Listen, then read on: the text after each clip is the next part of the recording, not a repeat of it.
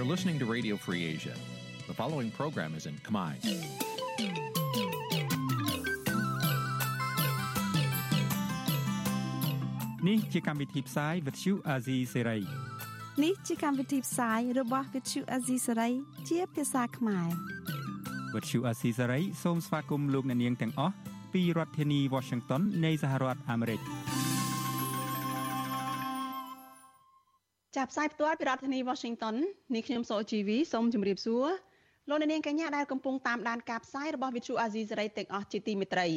យើខ្ញុំសូមជូនកម្មវិធីផ្សាយសម្រាប់យប់ថ្ងៃអាទិត្យពីកើតខែពុត្របុត្រឆ្នាំខាលចត្វាស័កពុរសករាជ2566ចាប់ត្រូវនៅថ្ងៃទី28ខែសីហាគ្រិស្តសករាជ2022ជាដំបូងនេះសូមអញ្ជើញលោកអ្នកនាងស្ដាប់ព័ត៌មានប្រចាំថ្ងៃដែលមានមេត្តាដូចតទៅគ្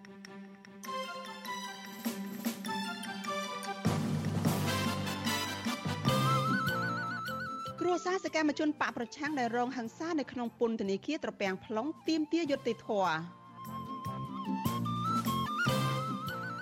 អ្នកខ្លំមើលមិនរំពឹងថារដ្ឋាភិបាលដោះស្រាយបញ្ហាធ្លាក់ចុះប្រជាធិបតេយ្យនិងសិទ្ធិមនុស្សស្ថានទូតកម្ពុជានៅកូរ៉េខាងត្បូងណែនាំពលករខ្មែរកុំឲ្យជឿការឃោសនាអរូបីហើយត្រឡប់ទៅស្រុកវិញ ពលករខ្មែរធ្វើការនៅប្រទេសថៃមួយចំនួនត្អូញត្អែថាมันមានការងារធ្វើដែលប៉ះពាល់ដល់ជីវភាពប្រចាំថ្ងៃរួមនឹងព័ត៌មានសំខាន់ៗមួយចំនួនទៀតចាជាបន្តទៅទៀតនេះនាងខ្ញុំសុជីវីសូមជូនព័ត៌មានទាំងនេះពិស្ដាចលនានាងជាទីមេត្រីគ្រួសារសកម្មជនគណៈបកប្រឆាំងដែលរងអំពើហិង្សានៅក្នុងពន្ធនាគារត្រពាំង plong នៅក្នុងខេត្តត្បូងឃ្មុំទាមទារឲ្យអាជ្ញាធរស្វែងរកយុត្តិធម៌ជូនប្តីនិងឪពុករបស់ពួកគាត់ រួមទាំងបញ្ឈប់ការប្រាអំពើហិង្សានិងអំពើឃោឃៅនៅក្នុងពន្ធនាគារតទៅទៀតការលើកឡើងនេះធ្វើឡើងបន្ទាប់ពីសមាជិកគ្រួសាររបស់ពួកគេ3នាក់ដែលរួមមានលោកកៅថៃលោកជុំច័ន្ទនិងលោកញ៉ែមវៀនរងការវាយដំទាត់ធាក់នៅក្នុងពន្ធនាគារត្រពាំង plong បណ្ដាលឲ្យពួកគេរងរបួសធ្ងន់កាលពីថ្ងៃទី21ខែសីហាកន្លងទៅនេះមន្ត្រីសង្គមស៊ីវិលជំរុញឲ្យអាជ្ញាធរមានសមត្ថកិច្ចបើកការស៊ើបអង្កេតដោយដំណាភាពដើម្បីផ្ដល់ទំនុកចិត្ត ក្នុងការអនុវត្តច្បាប់ផង និងបញ្ជាការរិះគន់ពីរឿងការធ្វើទុកបុកម្នេញផ្នែកនយោបាយទៅដល់អ្នកជាប់ឃុំទាំងនោះផងចាលោកមានរិទ្ធមានសេចក្តីរាយការណ៍អំពីរឿងនេះ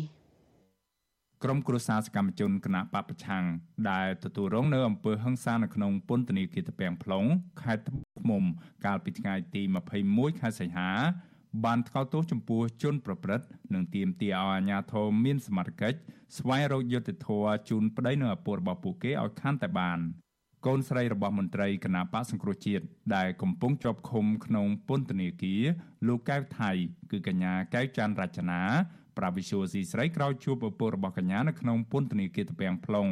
ថាសមត្ថកិច្ចបានបណ្ដោយឲ្យក្រុមបងធំដែលកំពុងជាប់ឃុំដូចគ្នា ទះតប់ឪពុករបស់កញ្ញា3កំភ្លៀងនិងទាត់ធាក់សកម្មជន2នាក់ទៀតបណ្ដាលឲ្យរងរបួសធ្ងន់ក្រោយពេលមន្ត្រីពន្ធនាគារប្រមូលសម្ភារៈប្រើប្រាស់យកទៅបោះចោល កញ្ញាកៅច័ន្ទរចនាឲ្យដឹងថាឪពុករបស់កញ្ញាមិនហ៊ានប្រាប់ព័ត៌មានលម្អិតជុំវិញករណីវាដំនោះទេព្រោះគាត់ខ្លាចគេរឹតបន្តឹងឬធ្វើបាបបន្ថែមទៀតក៏ប៉ុន្តែគាត់ស្នើសុំជួបជាមួយមេធាវីការពារក្តីគឺលោកសំសកុងនិងមន្ត្រីអង្គការសង្គមស៊ីវិលឲ្យបានឆាប់គាត់អត់ចង់និយាយច្រើនគាត់ថាគាត់អត់និយាយទេតែគាត់សុំជួបតែមេធាវីហើយនឹងអង្គការអីចឹងណាខ្ញុំនឹងតាក់ទងមួយមេធាវីដាក់ពាក្យបណ្ដឹងពួកអី ជាក់ស្ដែងមូលហេតុអីគាត់អត់មានទោសអីហើយគេយកគាត់ទៅហើយមូលហេតុអីគេធ្វើទរណកម្មគាត់ទៀតចឹងណាក្រុមគ្រួសារសកម្មជនបពប្រឆាំងបាននាំគ្នាទៅសួរសុខទុក្ខប្តីនិងឪពុកនៅថ្ងៃទី28ខែសីហាក៏ប៉ុន្តែឆ្មាំពន្ធនាគារតពាំង plong បានរដ្ឋបិទដោយទាមទារឲ្យពួកគាត់បង្ហាញឯកសារជាច្រើន ដែលខុសប្លែកពីសពមួយដងក្រោមហេតុផលអាជ្ញាធរនៅទីនោះអះអាងថាធ្វើតាមការបញ្ជារបស់ថ្នាក់លើ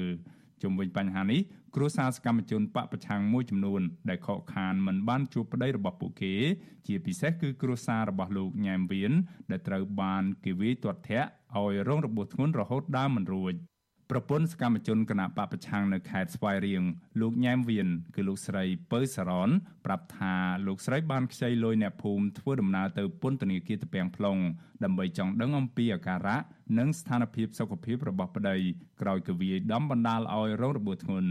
លោកស្រីបន្តថាមន្ត្រីពន្ធនាគារមិនអនុញ្ញាតឲ្យលោកស្រីចូលជួបប្តីនោះទេទោះបង្ហាញអត្តសញ្ញាណប័ណ្ណនិងកាតចាក់វ៉ាក់សាំងដោយនៅពន្ធនាគារដទៃទៀតយ៉ាងណាក្តី លោកស្រីថ្កោលទោសចំពោះអំពើហិង្សានេះនិងក្រុងជួបជាមួយមេធាវីការពារក្តីដាក់ពាក្យប្តឹងបើទោះបីលោកស្រីមានជំនឿថាសមត្ថកិច្ចនឹងមិនអាចរកយុត្តិធម៌ឲ្យសកម្មជននយោបាយទាំងនោះបានយ៉ាងណាក៏ដោយដូនណាស់មិនដែលចង់កាយដាក់អ្នកស្រុកទេហើយសំញ៉ាធោធ្វើបាបខ្លួនចឹងខ្ញុំទូយកបានមកហើយអយុធធម៌ខ្លាំងមែនទែនក្រុមគូសាខ្ញុំធ្វើបាបគាត់ស្អីចាស់ហើយ វិសុវស៊ីស្រីមិនអាចតាក់ទងអគ្គនាយកនៃអគ្គនាយកដ្ឋានពន្ធនាគារនៃក្រសួងមហាផ្ទៃលោកឆែនសវុតនិងអ្នកនាំពាក្យអគ្គនាយកដ្ឋានពន្ធនាគារលោកនុតសាវណ្ណាដើម្បីបញ្ជាក់ជុំវិញរឿងនេះបាននៅឡើយទេនៅថ្ងៃទី28ខែសីហា ជុំវិញរឿងនេះប្រធានសមាគមការពារសិទ្ធិមនុស្សអាត6លោកនីសុខា លើកឡើងថាជនជាប់ឃុំបាត់បង់តែសេរីភាពនោះទេក៏ប៉ុន្តែពួកគេមានសិទ្ធិទទួលបាននឹងការថែទាំការព្យាបាលចំណីអាហារការបញ្ចេញមតិនិងការប្រស្រ័យទាក់ទងជាមួយក្រុមគ្រួសារដោយដូចគ្នាលោកនីសុខាចាត់ទុកករណីវាដំឬការធ្វើទរណកម្មទៅលើជនជាប់ឃុំណាម្នាក់ គឺជាការរំលោភបំពានទៅលើគោលការណ៍សិទ្ធិមនុស្សយ៉ាងធ្ងន់ធ្ងរដែលអាជ្ញាធរត្រូវស៊ើបអង្កេតដោយតម្លាភាពដើម្បីយកជនបង្កមកទទួលខុសត្រូវនៅចំពោះមុខច្បាប់និងផ្ដល់យុត្តិធម៌ដល់ជនរងគ្រោះ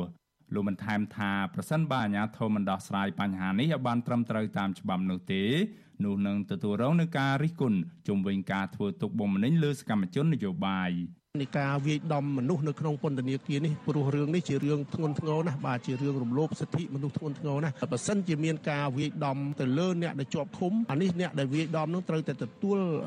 ខុសត្រូវចំពោះមុខច្បាប់អញ្ចឹងក្នុងនាមសង្គមស៊ីវិលយើងស្នើឲ្យមានការស៊ើបអង្កេតរឿងនេះឲ្យបានច្បាស់លាស់កាលពីថ្ងៃទី21ខែសីហាអាជ្ញាធរពន្ធនាគារបានផ្ទេរសកម្មជនគណបកសង្គ្រោះជាតិចំនួន14នាក់ពីពន្ធនាគារព្រៃសរក្នុងរាជធានីភ្នំពេញ ទៅពន្ធនាគារតាពាំង plong ខេត្តត្បូងឃ្មុំជាប់ព្រំដែនវៀតណាមក៏ប៉ុន្តែក្រុមគ្រួសារជនជាប់ឃុំចាត់ទុកសេចក្តីសម្រេចរបស់អាជ្ញាធរពន្ធនាគារថាគឺជាការដាក់ទណ្ឌកម្មនិងជាការធ្វើទុកបុកម្នេញផ្នែកនយោបាយដែលធ្វើឲ្យពួកគេកាន់តែឈឺចាប់បន្ថែមទៀតមន្ត្រីអង្គការសង្គមស៊ីវិលមើលឃើញថាការបញ្ជូនសកម្មជនទាំងនោះទៅឃុំខ្លួននៅពន្ធនាគារតាពាំង plong កន្លងមកនេះបានបង្កនូវការលំបាកដល់ការអនុវត្តនីតិវិធី ព្រមទាំងដាក់សម្ពាធជនជាប់ឃុំនិងក្រុមគ្រួសាររបស់ពួកគេបន្ថែមទៀតដូច្នេះអាជ្ញាធរគួរតែពិចារណាករណីនេះឡើងវិញខ្ញុំបានមេរិត Visual C ស្រីរាយការណ៍ពីរដ្ឋធានី Washington ចាលោកនាងកញ្ញា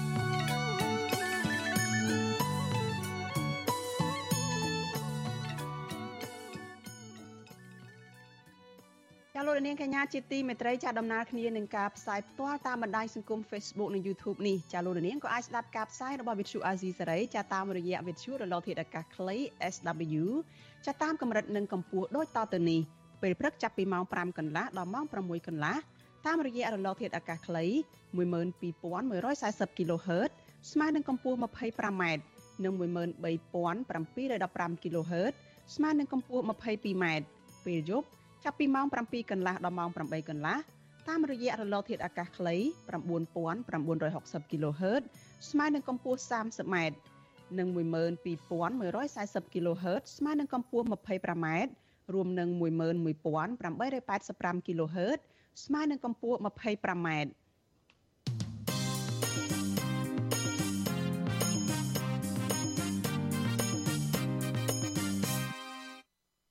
ចាលោកនាងកញ្ញាជាទីមេត្រីចាព័ត៌មានតកតនឹងប្រជាធិបតេយ្យនិងសិទ្ធិមនុស្សឯនេះវិញចាអ្នកខ្លំមើលបញ្ហាសង្គមនិងនយោបាយមិនរំពឹងថារដ្ឋាភិបាលលោកហ៊ុនសែនស្ដារប្រជាធិបតេយ្យនិងការគោរពសិទ្ធិមនុស្សនោះទេក្រោយមានដំណើរទស្សនកិច្ចនិងការស្នើសុំរបស់អ្នកនយោបាយលោកខាងលិចនិងអ្នករាយការណ៍ពិសេសរបស់អង្គការសហប្រជាជាតិប៉ុន្តែពួកគាត់យល់ថាភាពរឹងរូសរបស់រដ្ឋាភិបាលនេះ នឹងធ្វើឲ្យកម្ពុជាកាន់តែបាត់បង់ផលប្រយោជន៍សេដ្ឋកិច្ចនិងទំនាក់ទំនងការទូតជាមួយនឹងប្រទេសធំធំចាលោកថាថៃមានសេចក្តីរាយការណ៍អំពីរឿងនេះ បើទោះបីជាមានដំណើរទស្សនកិច្ចនិងការស្នើសុំរបស់ប្រមុខការទូតឬក្រុមអ្នកនយោបាយប្រទេសប្រជាធិបតេយ្យធំធំរួមទាំងអ្នករាយការណ៍ពិសេសអង្គការសហប្រជាជាតិស្តីពីសិទ្ធិមនុស្សប្រចាំកម្ពុជាលោកវិទិតមុនតាបូនក្តីក៏ក្រុមអ្នកតាមដានស្ថានភាពកម្ពុជាមិនសូវមានជំនឿថារដ្ឋាភិបាលលោកហ៊ុនសែនមានឆន្ទៈស្ដារស្ថានភាពសិទ្ធិមនុស្សនិងប្រជាធិបតេយ្យឡើយសាស្ត្រាចារ្យខាងវិទ្យាសាស្ត្រនយោបាយនិងទំនាក់ទំនងអន្តរជាតិលោកអែមសវណ្ណារាមានប្រសាសន៍ថា គណៈប្រតិភូប្រទេសលោកខាងលិចរួមទាំងបេសកជនពិសេសអង្គការសហប្រជាជាតិផងសុទ្ធតែលើកឡើងពីកង្វល់ជាលក្ខរឿងធ្លាក់ចុះលទ្ធិប្រជាធិបតេយ្យនិងការគោរពសិទ្ធិមនុស្សនៅកម្ពុជាក៏ប៉ុន្តែលោកសង្កេតឃើញថារដ្ឋាភិបាលតែងតែច្រានចោលនិងថែមទាំងការពីទង្វើរបស់ខ្លួនកន្លងមក ថាជាការអនុវត្តច្បាប់និងបែងចែកថា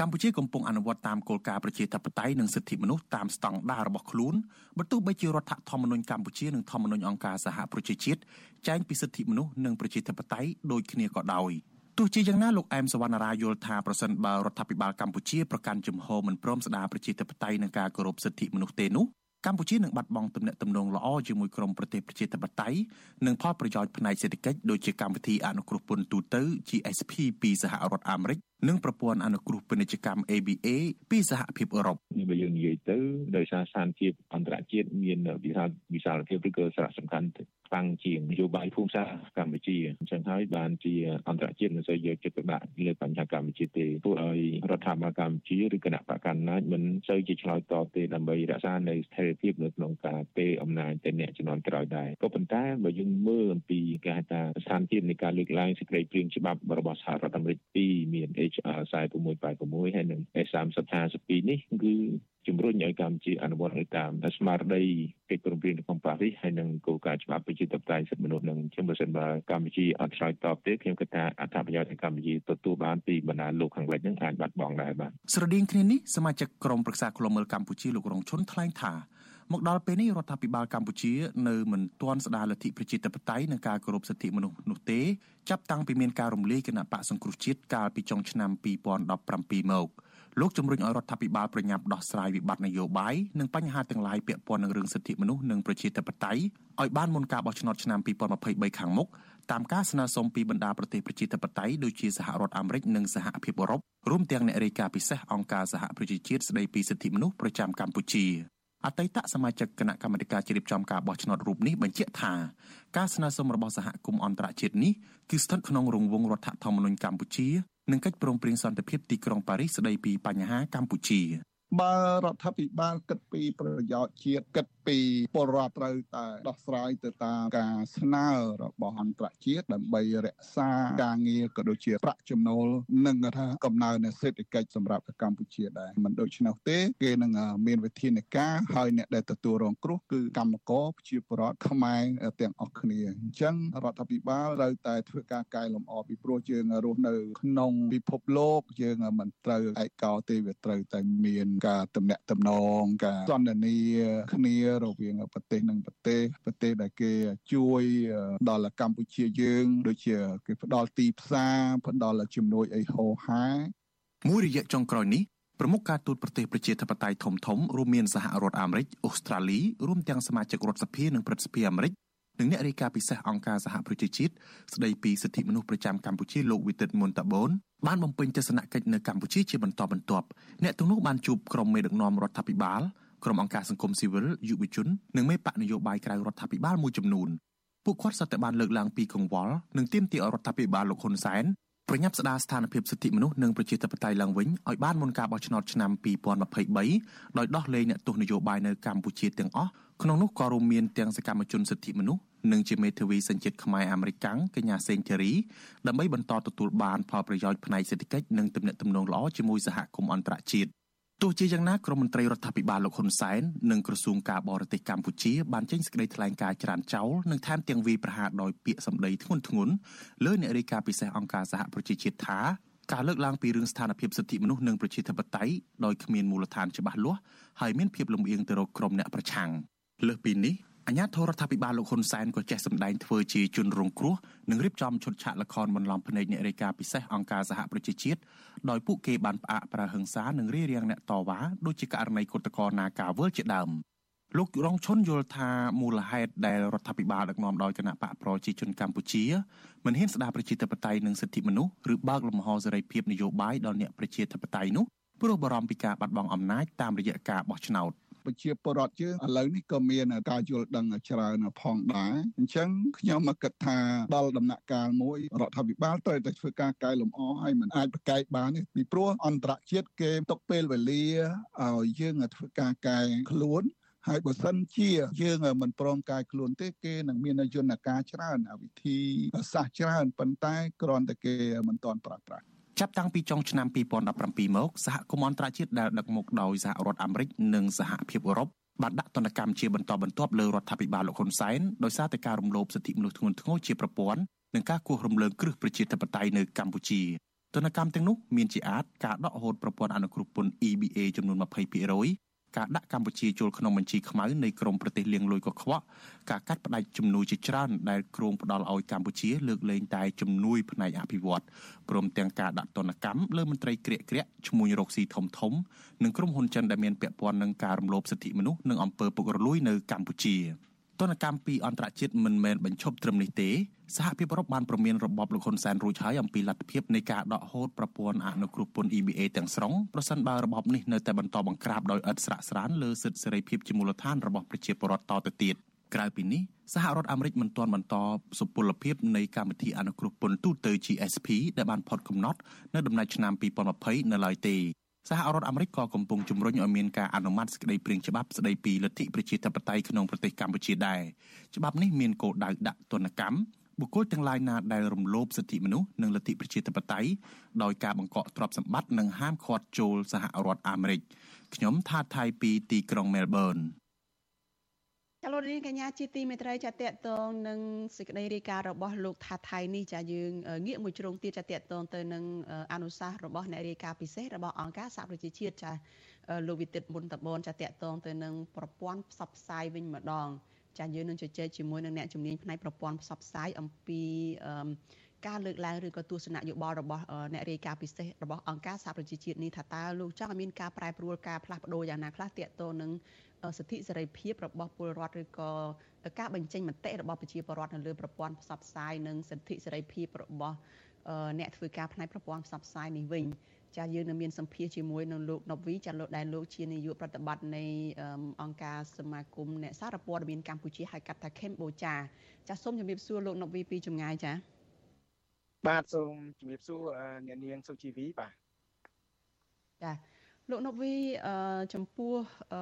របាយការណ៍របស់អ្នករាយការណ៍ពិសេសរបស់អង្គការសហប្រជាជាតិលោកវិទិតមុនតមននេះចានៅថ្ងៃបញ្ចប់ដែលលោកបំពេញបេសកកម្មនៅកម្ពុជានឹងលោកបានលើកចំណុចតាក់ទងនឹងវិស័យសារព័ត៌មានសេរីភាពបញ្ចេញមតិនេះដែរតើអ្វីខ្លះដែលលោកបានកត់សម្គាល់ពីការលើកឡើងរបស់អ្នករាយការណ៍ពិសេសរបស់អង្គការសហប្រជាជាតិនេះចា៎អឺខ្ញុំបានពិនិត្យឃើញនៅការលើកឡើង របស់លោកអ្នករាយការណ៍ពិសេសផ្នែកសិទ្ធិមនុស្សរបស់អង្គការសហប្រជាជាតិប្រចាំកម្ពុជានេះគឺតកតងជាមួយនឹងរឿងសំខាន់បំផុតហ្នឹងគឺតកតងនឹងសេរីភាពបញ្ចេញមតិ ហើយនឹងស្ថានភាពនៃការធ្វើទុកបុកម្នេញមកលើអ្នកសារព័ត៌មាន ដែលកំពុងតែអនុវត្តការងារនៅក្នុងប្រទេសកម្ពុជារបស់យើងនឹងជាក់ស្ដែងអ្វីដែលខ្ញុំបានពិនិត្យមើលឃើញការលើកឡើងរបស់គាត់នេះគឺมันខុសគ្នាជាមួយនឹងរបាយការណ៍ដែលខាងការិយាល័យនៃឧត្តមស្នងការ សិទ្ធិមនុស្សរបស់អង្គការសហប្រជាជាតិប្រចាំនៅប្រទេសជាចក្រកម្ពុជាចេញកាលពីដើមខែសីហាកន្លងថ្មីថ្មីនេះទេអ្នកនាងសុជីវីក្នុងនោះក៏រួមមានការលើកឡើងនៅការប្រើប្រាស់នៅច្បាប់ព្រហ្មទណ្ឌប្រឆាំងនឹងអ្នកសារព័ត៌មានដោយនៅក្នុងការលើកឡើងនេះគឺមានការបង្ហាញនៅការចោតប្រកាន់ដោយប្តឹងផ្ដាល់ទៅលើអ្នកសារព័ត៌មានហើយនឹងការប្រើប្រាស់ ច្បាប់ស្ដីពីក្រមព្រហ្មទណ្ឌនេះជានិច្ចកាលគឺតែងតែត្រូវបានប្រើប្រាស់ដើម្បីធ្វើការចោតប្រកាន់មកលើអ្នកសារព័ត៌មានហើយយើងឃើញចាប់តាំងពីឆ្នាំ2017មកមានសំបីតែអតីតអ្នកសារព័ត៌មានវិទ្យុអស៊ីសេរីក៏ស្ថិតនៅក្រោមការចោទប្រកាន់ដោយប្រើប្រាស់ច្បាប់ក្រមព្រហ្មទណ្ឌនេះផងដែរហើយយើងឃើញមានអ្នកសារព័ត៌មានផ្សេងផ្សេងទៀតដូចជាលោកសុកឧត្តមនៅខេត្តកំពង់ឆ្នាំង ករណីរបស់លោកយួនឈីវនៅឯខេត្តកោះកុងហ្នឹងគឺសុទ្ធតែត្រូវបានប្រើប្រាស់ច្បាប់ស្ដីពីក្រមព្រហ្មទណ្ឌទាំងអស់ដើម្បីយកមកចាត់ធានការលើពួកគាត់ដូច្នេះហើយវាគឺជាផ្នែកមួយយ៉ាងសំខាន់ដែលបង្ហាញឲ្យឃើញនៅការប្រើប្រាស់វិធានការច្បាប់ហ្នឹងដើម្បីធ្វើទុកបុកម្នេញលើអ្នកសារព័ត៌មានចំណុចមួយទៀតដែលខ្ញុំបានស្ដាប់លើការលើកឡើងនេះដែរហ្នឹងគឺរឿងតាក់ទងដូចយើងបានដឹងថាកំឡុងពេលដែល មានដំណើរទស្សនកិច្ចរបស់លោកប្រតិមុនតាបនហ្នឹងគឺតាក់ទងជាមួយនឹងការខាត់ខ្លួនអ្នកសារព័ត៌មានរបស់ VV ចំនួន5រូបដោយយើងឃើញថាករណីនេះគឺកើតឡើងនៅក្នុងពេលដែលពួកគាត់ចុះទៅយកព័ត៌មាន នៅតំបន់ដែលមានការឈូសឆាយកាប់ព្រៃឈើនៅភ្នំតាម៉ៅហ្នឹងហើយក្រោយមកទៀតគឺពួកគាត់ត្រូវបានខាត់ខ្លួនការខាត់ខ្លួននេះគឺយើងឃើញថាកើតមានឡើងស្របពេលដែលមានដំណើរទស្សនកិច្ចហ្នឹងហើយដែលបង្ហាញអំពីដែលរូបភាពមួយនៃការបៀតបៀនឬមួយក៏យើងហៅថាការជ្រៀតជ្រែកទៅលើកិច្ចការងាររបស់អ្នកសារព័ត៌មានដែលកំពុងតែបំពេញភារកិច្ចនៅក្នុងប្រទេសកម្ពុជារបស់យើងហើយចំណុចផ្សេងទៀតដូចជាតាក់ទងជាមួយនឹងរឿង សេរីភាពរបស់ប្រព័ន្ធផ្សព្វផ្សាយរឿងតាក់ទងជាមួយនឹងពហុភាពនៃសម្លេងលើប្រព័ន្ធផ្សព្វផ្សាយឬមួយក៏ចម្រុះភាពនៃប្រព័ន្ធផ្សព្វផ្សាយនៅក្នុងប្រទេសកម្ពុជាយើងដែលវាពាក់ព័ន្ធជាមួយនឹងសិទ្ធិដ៏សំខាន់មួយរបស់ប្រជាពលរដ្ឋគឺសិទ្ធិទទួលបានព័ត៌មានហ្នឹងក៏ជាផ្នែកសំខាន់ដែលមានការលើកឡើងផងដែរបាទចា៎ ចាលោកណូវីនៅក្នុងនឹងអ្នករាយការណ៍ពិសេសរបស់អង្គការសហជីវជាតិនឹងក៏គាត់បានសង្កត់ធ្ងន់ទៅលើចំណុចតាក់ទងនឹងផ្លូវច្បាប់ផងដែរច្បាប់នានាដែលជាប់ពាក់ព័ន្ធនឹងសិទ្ធិសេរីភាពរបស់អ្នកកសែតឬក៏សិទ្ធិសេរីភាពរបស់ប្រជាពលរដ្ឋនៅក្នុងការបញ្ចេញមតិក្នុងនឹង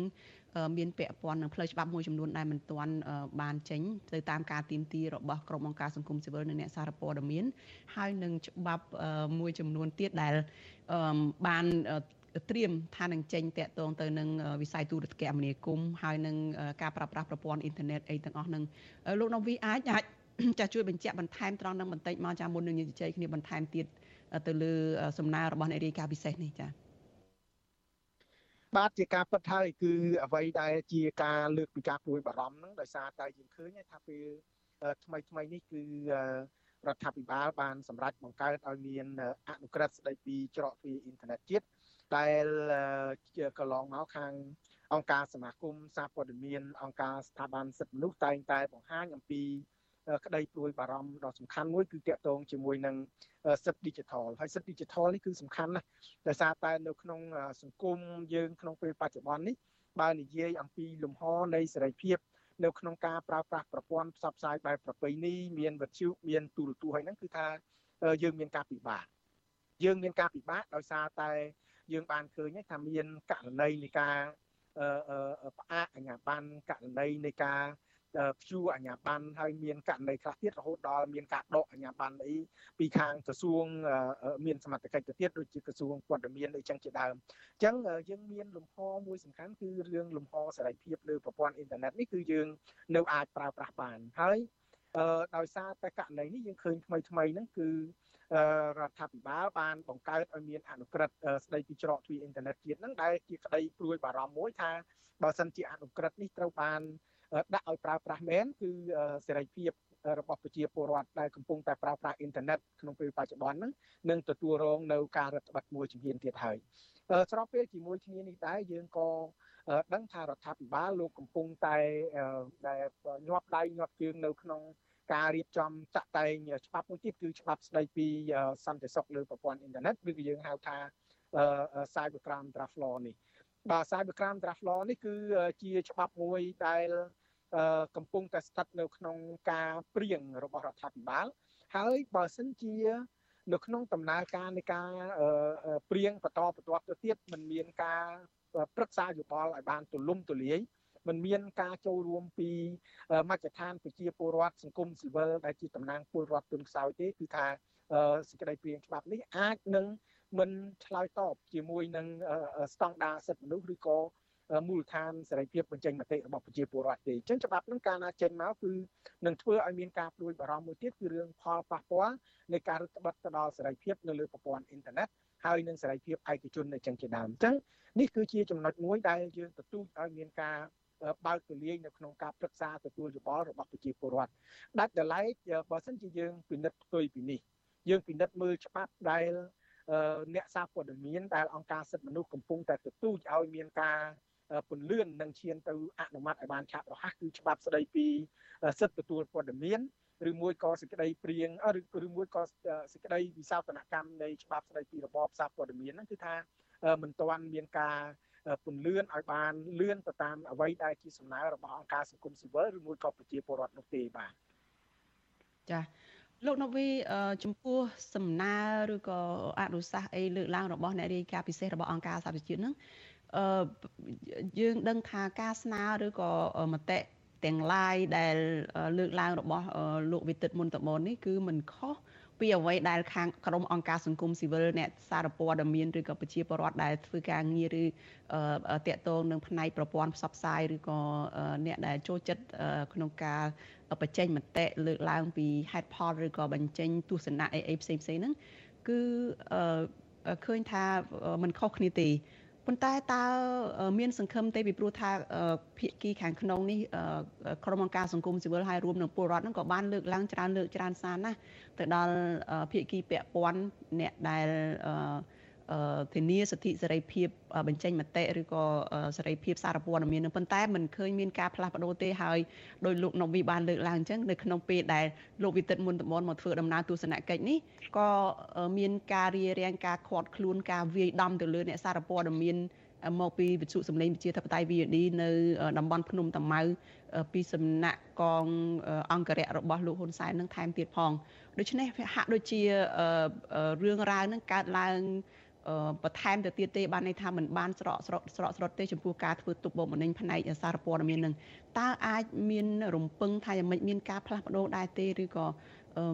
បើសិនជាមិនមានការផ្លាស់ប្ដូរទេអាចនឹងមានអតិពលអ្វីផ្សេងអាចជំរុញឲ្យរដ្ឋាភិបាលនឹងមានការផ្លាស់ប្ដូរទៅថ្ងៃមុខដែរទេចា៎ជារួមខ្ញុំចង់ជម្រាបជូនថាយើង កំពុងតែធ្វើកិច្ចការងារក្នុងពេលបច្ចុប្បន្ននេះដើម្បីជួយទៅដល់រដ្ឋាភិបាលទេ អឺអ្វីដែលយើងធ្វើនេះគឺដើម្បីជួយទៅដល់រដ្ឋាភិបាលទេហេតុអីបានយើងនិយាយថាយើងជួយទៅដល់រដ្ឋាភិបាលដើម្បីកសាងនៅទំនុកចិត្តមួយពីសាធារណជនទូទៅដើម្បីកសាងសង្គមមួយដែលធានាអំពីតម្លាភាព ដើម្បីកសាងសង្គមមួយដែលមិនមានអំពើអយុត្តិធម៌ដែលមានកណន័យភាពគ្រប់គ្រាន់វាចាំបាច់នៅការបើកទូលាយនៅព័ត៌មានហើយវាចាំបាច់នៅក្នុងការផ្ដល់នៅព័ត៌មានពិតជូនទៅដល់ថ្នាក់ដឹកនាំដើម្បីឲ្យថ្នាក់ដឹកនាំគាត់យកអព័ត៌មានទាំងអស់ហ្នឹងទៅធ្វើការឆ្លើយតបហើយកាលណាព័ត៌មានដែលរដ្ឋឬមួយក៏ថ្នាក់ដឹកនាំគួរតែទទួលដើម្បីធ្វើការឆ្លើយតបវាមិនមែនជារឿងព័ត៌មានតាក់ទងនឹងមន្ត្រីចុះចែកអំណោយមិនមែនព័ត៌មានរឿងតាក់ទងជាមួយនឹងសមិទ្ធផលអណ្ដូងទឹកដែលយើងធ្វើបានរឿងរឿងទាំងអស់ហ្នឹងទេព្រោះរឿងទាំងអស់ហ្នឹងគឺមានប្រព័ន្ធផ្សព្វផ្សាយច្រើនដែលផ្សព្វផ្សាយដែលធ្វើរួចហើយរឿងអ្វីដែលយើងចង់ឲ្យរដ្ឋាភិបាលដោះស្រាយហើយនឹងយកចិត្តទុកដាក់គឺរឿងបញ្ហាដែលកំពុងកើតមានឡើងរបស់ប្រជាពលរដ្ឋរឿងដែលប្រជាពលរដ្ឋគាត់លើកពីក្តីកង្វល់ផ្សេងផ្សេងជូនមកថ្នាក់ដឹកនាំរដ្ឋាភិបាលដូច្នេះបើសិនជា រដ្ឋាភិបាលលោកមិនខ្វាយខ្វល់លោកមិនអើពើចំពោះអ្វីដែលយើងបានលើកឡើងអ្វីដែលជាការលើកឡើងនៅការព្រួយបារម្ភម្ដងហើយម្ដងទៀតនឹងទេខ្ញុំគិតថាវានឹងមានផលប៉ះពាល់ទៅដល់ទំនុកចិត្តរបស់ប្រជាពលរដ្ឋមកកាន់ថ្នាក់ដឹកនាំរដ្ឋាភិបាលមកកាន់រដ្ឋាភិបាលទាំងមូល វានឹងធ្វើឲ្យមានអតិពលប៉ះពាល់ជាអវិជ្ជមានចំពោះស្ថិរភាពចំពោះសន្តិភាពដែលយើងកំពុងមានពីព្រោះសន្តិភាពបើសិនជាអត់មានយុត្តិធម៌នៅក្នុងសង្គមទេយើងគឺមិនអាចធានានៅនិរន្តរភាពស្ថិរភាពនៃសន្តិសន្តិភាពមួយបានបើប្រជាពលរដ្ឋដែលគាត់ ជួបប្រទះនៅអំពើអយុត្តិធម៌នៅក្នុងសង្គមបើមន្ត្រីអ្នកមានអំណាចមួយចំនួនអ្នកមានបុណ្យស័ក្តិឬក៏អុកញ៉ាមួយចំនួនហ្នឹងទៅរំលោភបំពានកម្មសិទ្ធិឬមួយក៏ទ្រព្យសម្បត្តិរបស់ប្រជាពលរដ្ឋធ្វើម៉េចយើងអាចធានាបាននៅសន្តិភាពនៅក្នុងសង្គមមួយបានមែនសន្តិភាពវាអាចមានមែនដោយអត់មានការប្រើប្រាស់កំភ្លើងប៉ុន្តែសន្តិភាពផ្លូវចិត្តរបស់ប្រជាពលរដ្ឋគឺអត់មានអញ្ចឹងទាំងអស់នឹងហើយដែលយើងទទូចម្ដងហើយម្ដងទៀតម្ដងទៀត ហើយការទទូចរបស់យើងនឹងខ្ញុំចង់ជម្រាបជូនថាចេះមិនមែនមានតែអង្គការដែលធ្វើការក្នុងគាត់បានផ្ដល់យោបល់នឹងទេខ្ញុំគិតថាដៃគូអភិវឌ្ឍដែលគេ ជាដៃគូដែលគេជួយកម្ពុជាយើងប្រកាសមែនហ្នឹងគឺគេតែងតែលើកគេក៏បានបង្ហាញនៅក្តីព្រួយបារម្ភរបស់គេចំពោះស្ថានភាពសិទ្ធិមនុស្សចំពោះស្ថានភាពនៃសេរីភាពសារព័ត៌មានទាំងអស់ហ្នឹងដែរឥឡូវយើងមើលប្រទេសជប៉ុនប្រទេសជប៉ុនក៏គេធ្លាប់លើកឡើងចំពោះអ្វីដែលជាការចង់ឃើញរបស់គេចំពោះការវិវត្តល្អនៃផ្នែកសិទ្ធិមនុស្សនិងសេរីភាពសារព័ត៌មានសេរីភាពបញ្ចេញមតិនៅក្នុងប្រទេសកម្ពុជាយើងដែរហើយឥឡូវខាងអ្នកនាំពាក្យឬក៏អ្នករាយការណ៍ពិសេស ផ្នែកសិទ្ធិមនុស្សរបស់អង្គការសហប្រជាជាតិគាត់លើកមកគឺគាត់លើកដូចគ្នាជាមួយនឹងអ្វីដែលអង្គការសង្គមស៊ីវិលគាត់បានលើកឡើងដែរអញ្ចឹងតែទាំងអស់ហ្នឹងខ្ញុំជឿថារដ្ឋាភិបាលគួរតែយកចិត្តទុកដាក់ដើម្បីដោះស្រាយហើយបើសិនជាយើងមិនយកចិត្តទុកដាក់នៅក្នុងការដោះស្រាយអ្វីដែលជាផលប៉ះពាល់គឺមិនមែនផលប៉ះពាល់មកដល់អឺអឺ អ្នកដែលលើកនៅសំណើទាំងអស់ហ្នឹងតែម្នាក់ទេគឺមាននឹងផាសប៉ះមានផលប៉ះពាល់ជាទូទៅ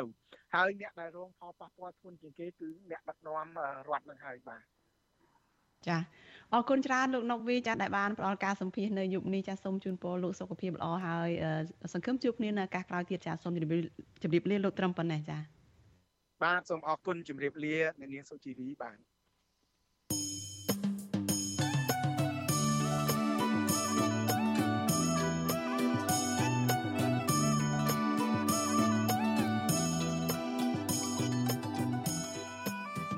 ចាលោកនាងកញ្ញាជាទីមេត្រីចានៅក្នុងឱកាសនេះដែរចានាងខ្ញុំសូមថ្លែងអំណរគុណដល់លោកនាងដែលតែងតែមានភក្ដីភាពចំពោះការផ្សាយរបស់យើងហើយចាត់ទុកការស្ដាប់វិទ្យុអាស៊ីសេរីនេះចាគឺជាផ្នែកមួយនៃសកម្មភាពប្រចាំថ្ងៃរបស់លោកអ្នកនាងចាការគ្រប់គ្រងរបស់លោកអ្នកនាងនេះហើយដែលធ្វើឲ្យយើងខ្ញុំកាន់តែមានទឹកចិត្តខ្លាំងថែមទៀតក្នុងការស្វះស្វែងរកព័ត៌មាននិងផ្តល់ព័ត៌មានពិតជូនលោកអ្នកនាងចាំមានអ្នកស្ដាប់មានអ្នកទស្សនាកាន់តែច្រើន កាន់តែធ្វើឲ្យយើងខ្ញុំមានភាពស្វាហាប់និងមោះមុតជាបន្តទៅទៀតចាយើងខ្ញុំសូមអរគុណទុកជាមុនហើយសូមអញ្ជើញលោកអ្នកនាងចាចូលរួមជំរុញឲ្យការផ្សាយព័ត៌មានរបស់វិទ្យុអាស៊ីសេរីនេះចាកាន់តែជោគជ័យបន្ថែមទៀតលោកអ្នកនាងអាចជួយយើងខ្ញុំបានដោយគ្រាន់តែចុចចែករំលែកការផ្សាយរបស់វិទ្យុអាស៊ីសេរីចានៅលើបណ្ដាញសង្គម Facebook និង YouTube នេះចាទៅកាន់មិត្តភ័ក្តិរបស់លោកអ្នកនាងចាដើម្បីឲ្យការផ្សាយរបស់យើងនេះបានទៅដល់មនុស្សកាន់តែច្រើនចាសូមអរគុណ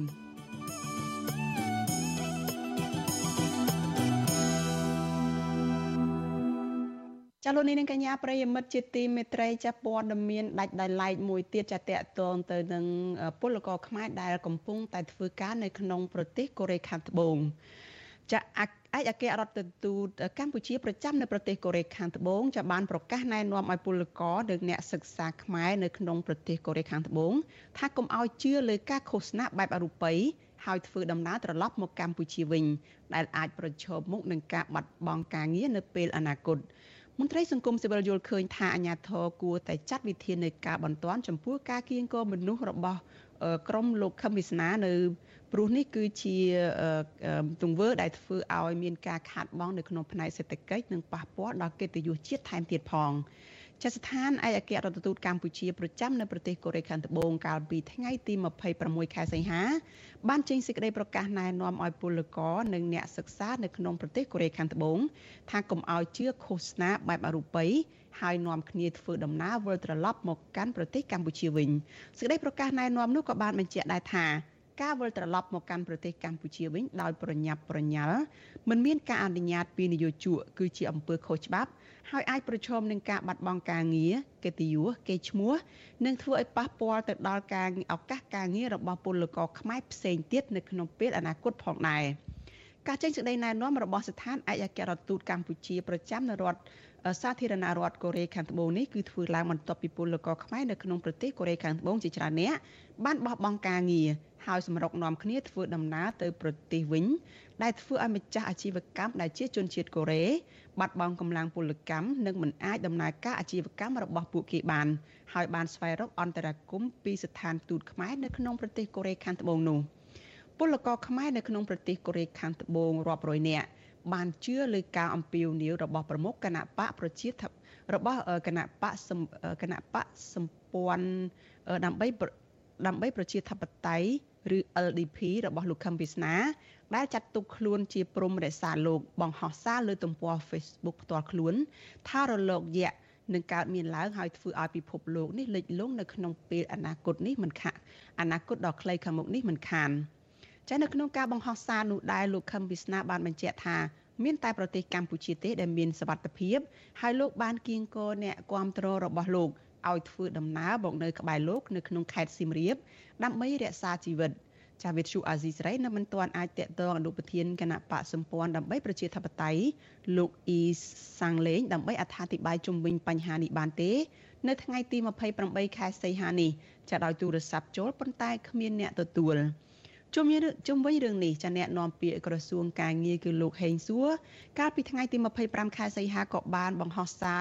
បែបបញ្ឆិតបញ្ឈៀងអំពាវនាវឲ្យពលករខ្មែរដែលធ្វើការនៅប្រទេសកូរ៉េនោះ កុំជឿលងការឃោសនាបែបអបិយជំនឿរបស់បុគ្គលណាមួយដែរជាមួយគ្នានេះលោកហេងសួរក៏បានអំពាវនាវឲ្យពលករខ្មែរនាំគ្នាចូលធ្វើការវិញនិងមានអារម្មណ៍នឹងនរឡើងវិញព្រោះតាមការតាមដានធាតុអាកាសរបស់ស្ថាប័នអន្តរជាតិធំធំមិនបានបង្ហាញសញ្ញាណាមួយពីគ្រោះធម្មជាតិនៅក្នុងខែសីហាឬក្នុងខែកញ្ញានេះឡើយដោយឡែកប្រធានសមាគមសម្ព័ន្ធនិស្សិតបញ្ញវន្តខ្មែរលោកកើតសរាយប្រាប់វិទ្យុអាស៊ីសេរីថា ការប្រកាសឲ្យអ្នកគាំទ្ររបស់លោកខឹមពិស្នាធ្វើដំណើរទៅខេត្តសៀមរាបនេះមិនត្រឹមតែធ្វើឲ្យប្រទេសកម្ពុជា បាត់បង់កិត្តិយសប៉ុណ្ណោះទេប៉ុន្តែវាក៏ធ្វើឲ្យប៉ះពាល់ទៅដល់ប្រជាពលរដ្ឋអឺ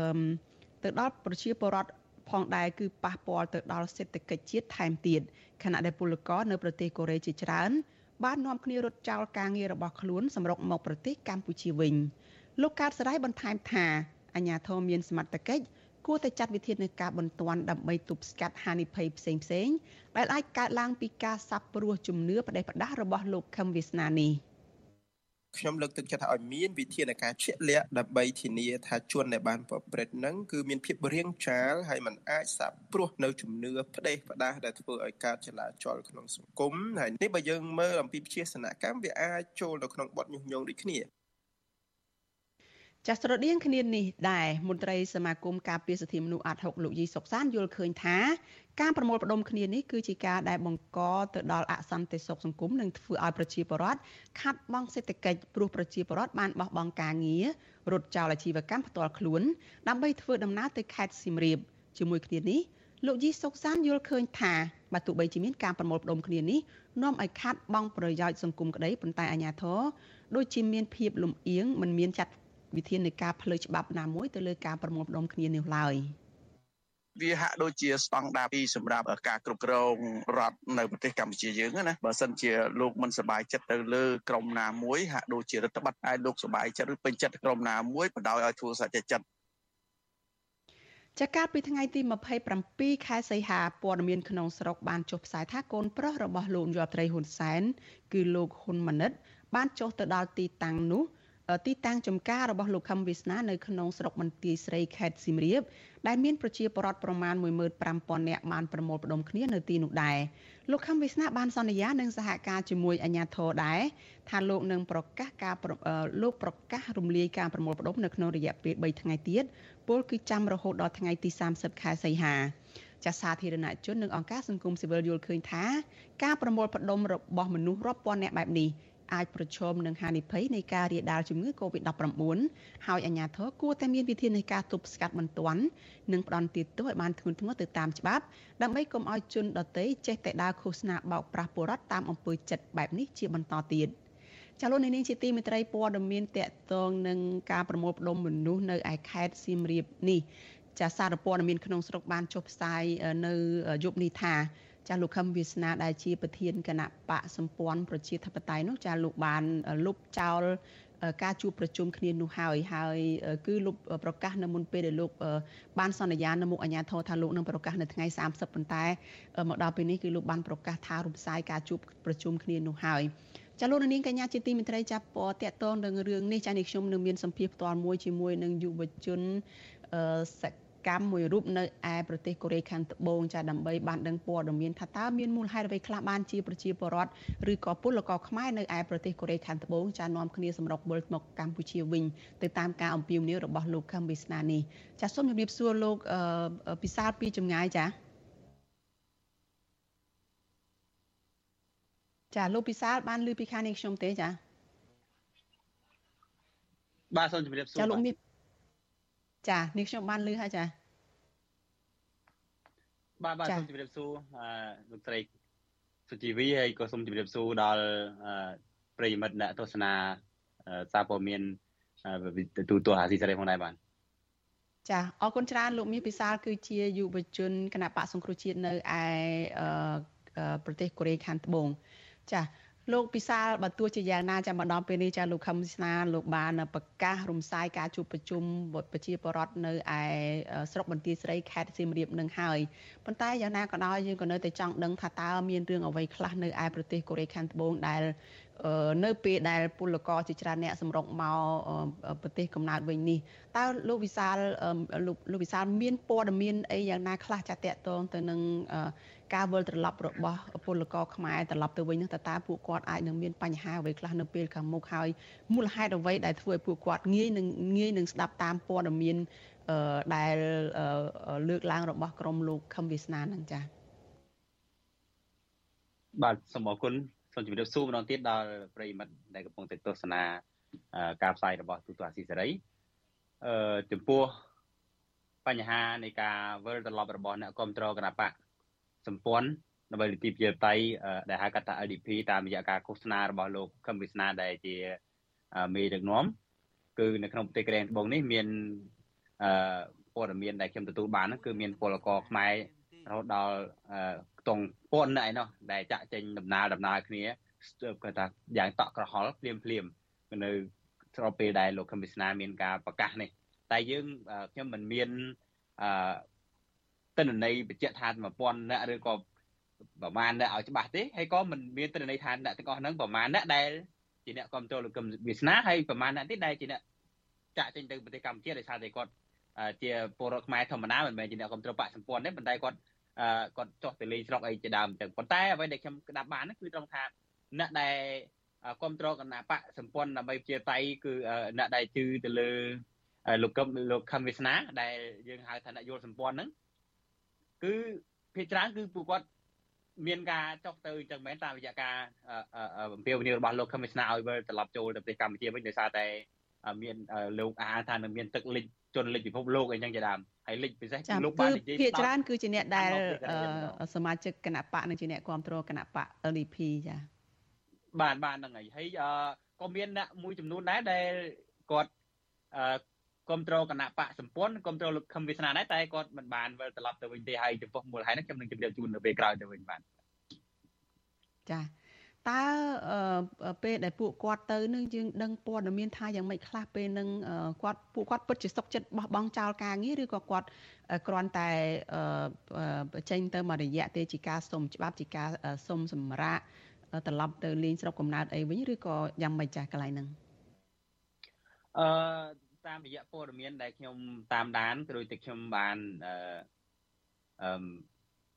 ស្វែងយល់នៅមុននេះបន្តិចខ្ញុំបានតែសាកសួរអ្នកដែលគាត់មានតំណតំណងមានមិត្តភ័ក្តិបងប្អូនដែលជាអ្នកយល់សម្ព័ន្ធដែលអ្នកគ្រប់គ្រងខំវាសនាហ្នឹងគឺបានបញ្ជាក់មកថាអឺអ្នកមួយចំនួនហ្នឹងគឺពួកគាត់មកទៅតែបាន2 3ខែហើយអ្នកខ្លះទៅមកបានមួយឆ្នាំអ្នកខ្លះទៅមកបានមួយអាណត្តិអីអញ្ចឹងទៅប៉ុន្តែ អ្នកមួយចំនួននោះសំខាន់នៅក្នុងនោះគឺពួកគាត់អ្នកខ្លះមិនទាន់សងគេរួចថ្លៃដែលគាត់រៀនសូត្រថ្លៃដែលគាត់បង់សម្បត្តិយន្តហោះអីឡើងមកប្រទេសកូរ៉េហ្នឹងទេអញ្ចឹងគាត់ត្រូវបង្ខំចិត្តត្រឡប់ទៅវិញដោយសារតែគាត់ជឿទៅលើការឃោសនារបស់លោកកឹមវិសាថានឹងមានការរលាយផែនដីអីជាដើមអញ្ចឹងអញ្ចឹងទៅគាត់គាត់បានអឺមិនត្រឹមតែគាត់ទៅផ្ទះតែខ្លួនគាត់ទេគាត់បាន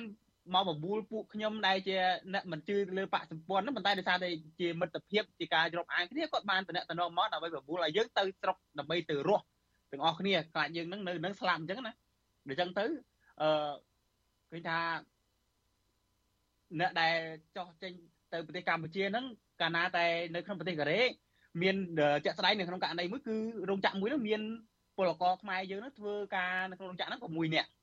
6នាក់ហ្នឹងមាន4នាក់នេះជាអ្នកយល់សម្ព័ន្ធហ្នឹងហើយ2នាក់ទៀតគឺជាអ្នកដែលគ្រប់គ្រងគណៈបកផ្សេងហើយ4នាក់ហ្នឹងគឺព្រាមព្រាមគាត់បានសុំច្បាប់ត្រឡប់ទៅប្រទេសកម្ពុជា ហើយនៅពេលដែលយើងសាកសួរពួកគាត់ទៅគាត់ថាយើងសួរគាត់ថាតើយើងអត់មានសុំច្បាប់គេត្រឹមត្រូវទេឬហើយអត់មានគិតពិចារណាច្បាស់លាស់ទេឬគាត់ថាគាត់ខ្លាចតែមិនបានត្រឡប់ទៅប្រទេសកម្ពុជាឲ្យទាន់តាមអ្វីដែលលោកខឹមវាសនាអំពីនេះនឹងផងអញ្ចឹងគាត់អត់បានគិតរឿងផ្សេងទេអញ្ចឹងប៉ុន្តែក៏មានអ្នកមួយចំនួនគាត់បានសុំ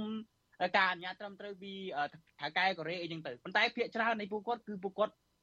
គឺទៅយ៉ាងតក់កុហលអញ្ចឹងកាលណាតែតក់កុហលគឺជនជាតិកូរ៉េកាលណាតែមនុស្ស ឈប់ពីការងារព្រាមព្រាមគឺមានការប៉ះពាល់ជាទូទៅគឺគេមិនឲ្យឈប់ទេបើយើងឈប់យ៉ាងហោចណាស់ក៏សុំច្បាប់គេមួយខែពីរខែមុនហើយបើយើងឈប់ម្ដងទាំង4ទាំង5នាក់ទាំងគឺជាទូទៅគឺគេមិនឲ្យទេគេមិនអនុញ្ញាតទេដោយសារអីដោយសារតែគេបាត់បង់អ្នកធ្វើការងារព្រាមព្រាមគេអាចរកមនុស្សមកចំនួនទេអញ្ចឹងទៅភាគច្រើននៃពួកគាត់គឺចាក់ចេញទៅដោយមិនមានការយល់ព្រមមិនមានការអនុញ្ញាតអញ្ចឹងទៅអនាគតទៅគឺគាត់នឹងប្រឈមនឹងការមិនអាចត្រឡប់ចូលប្រទេសកូរ៉េវិញដោយសារតែមានការដាក់ពាក្យបណ្ដឹងហើយដូចជាមានការផ្សព្វផ្សាយមួយចំនួនអញ្ចឹងគឺ ស្ថាប័នរបស់ប្រទេសកូរ៉េមួយចំនួនគឺបានចេញការផ្សព្វផ្សាយចេញការសុំការបញ្យល់ពីសមាគមខ្មែរដែលនៅប្រទេសកូរ៉េខាងត្បូងហ្នឹងថាហេតុនេះបានជាពលករខ្មែរសុកសុកសត្វតែ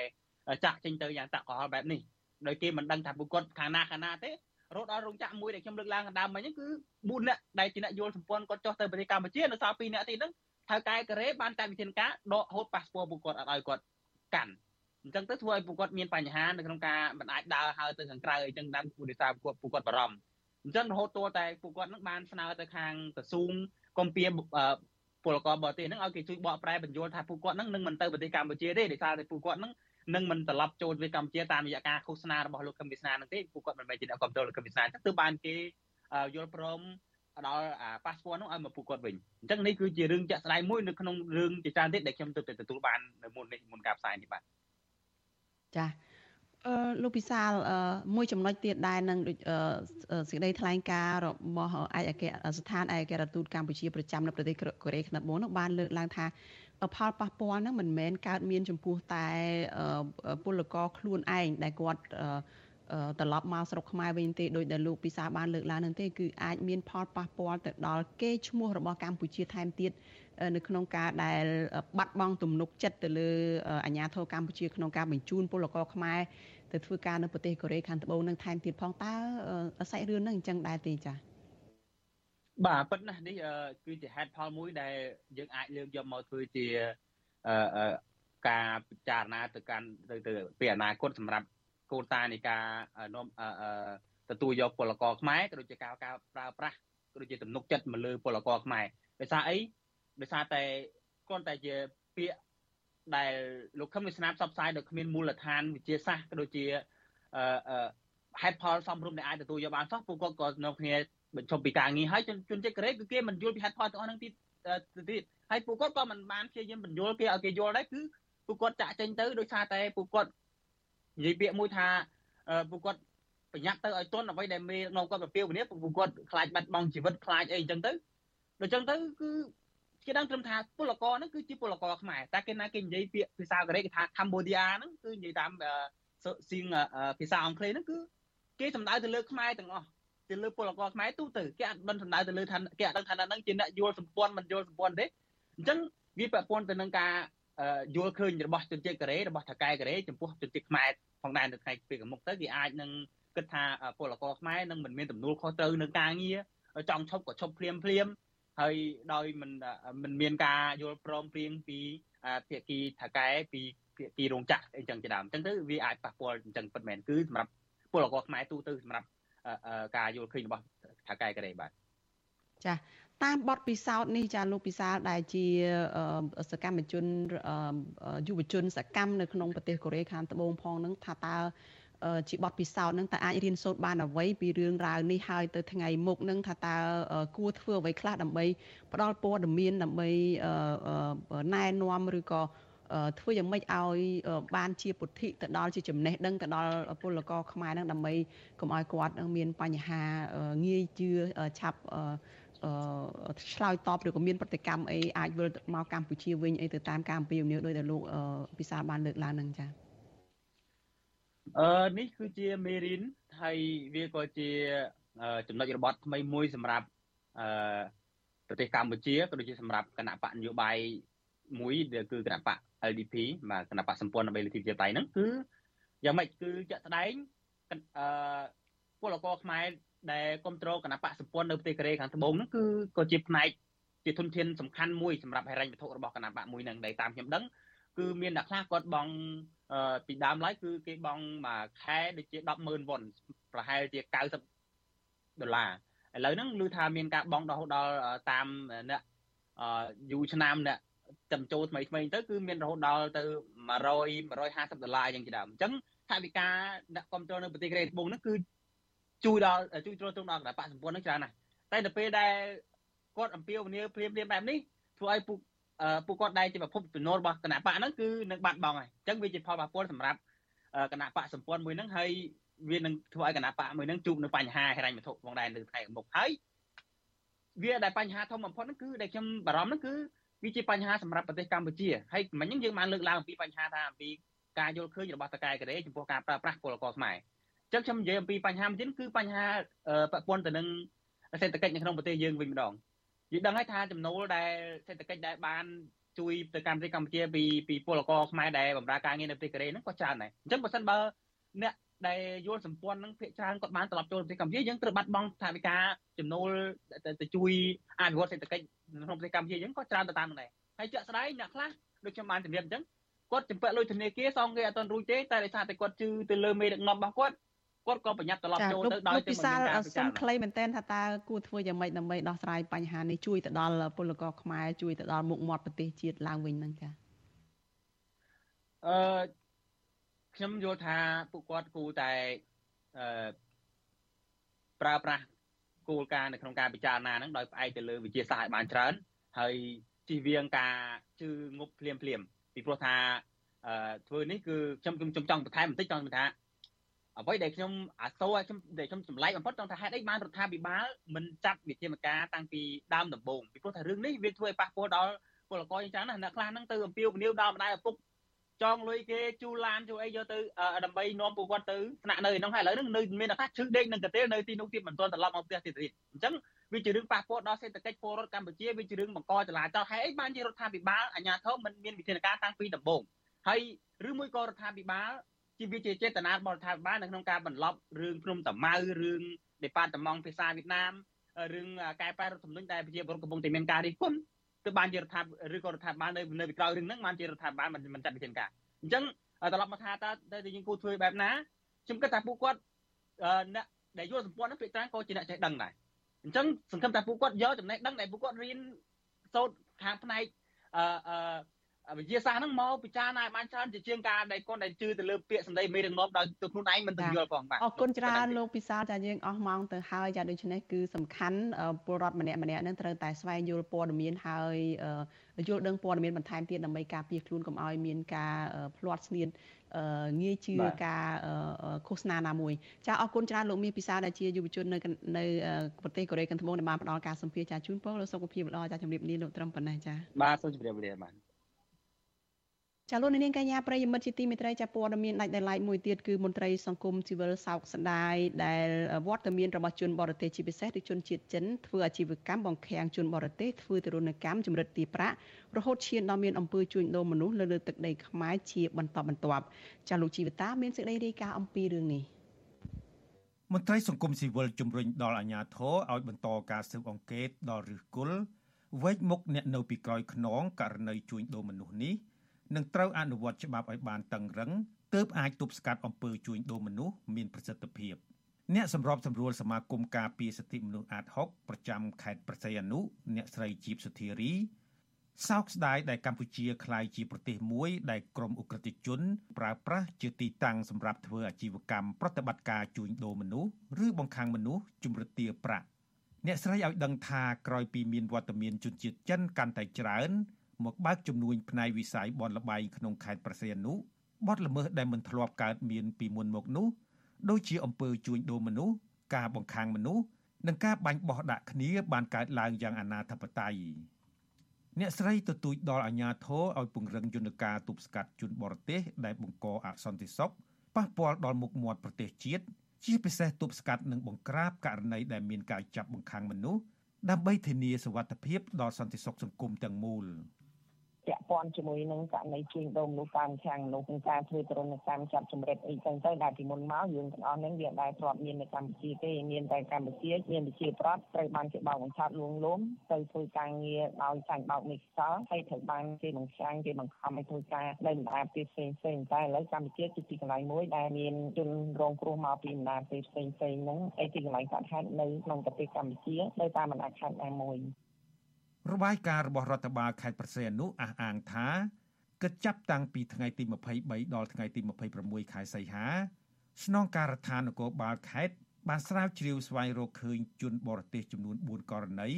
ពាក់ព័ន្ធនឹងការបង្ខាំងមនុស្សដើម្បីបង្ខំឲ្យបម្រើការងារឲ្យក្រុមហ៊ុននៅក្នុងភូមិសាស្ត្រខេត្តប្រសេអនុក្នុងនោះករណីទី1នៅថ្ងៃទី23ខែសីហា សមត្ថកិច្ចខេត្តប្រសេអនុបានរំដោះជនរងគ្រោះជាស្ត្រីជនជាតិម៉ាឡេស៊ីម្នាក់ឈ្មោះខូអៃលីអាយុ27ឆ្នាំពីក្រុមហ៊ុនឆបបោកមួយកន្លែងស្ថិតនៅភូមិកូគីឃុំបិទត្រាំងស្រុកព្រៃនប់ខេត្តប្រសេអនុជនរងគ្រោះបានឲ្យដឹងថាខ្លួនត្រូវបានជនជាតិចិនចាប់បង្ខាំងដោយខុសច្បាប់ប្រើហិង្សា កំហែងជួញដូរកម្លាំងពលកម្មក្នុងប្រតិបត្តិការជួយសង្គ្រោះស្ត្រីជនជាតិម៉ាឡេស៊ីនេះ សមត្ថកិច្ចបានឃាត់ខ្លួនជនសង្ស័យជនជាតិចិនចំនួន8នាក់រហូតដល់ថ្ងៃទី26ខែសីហា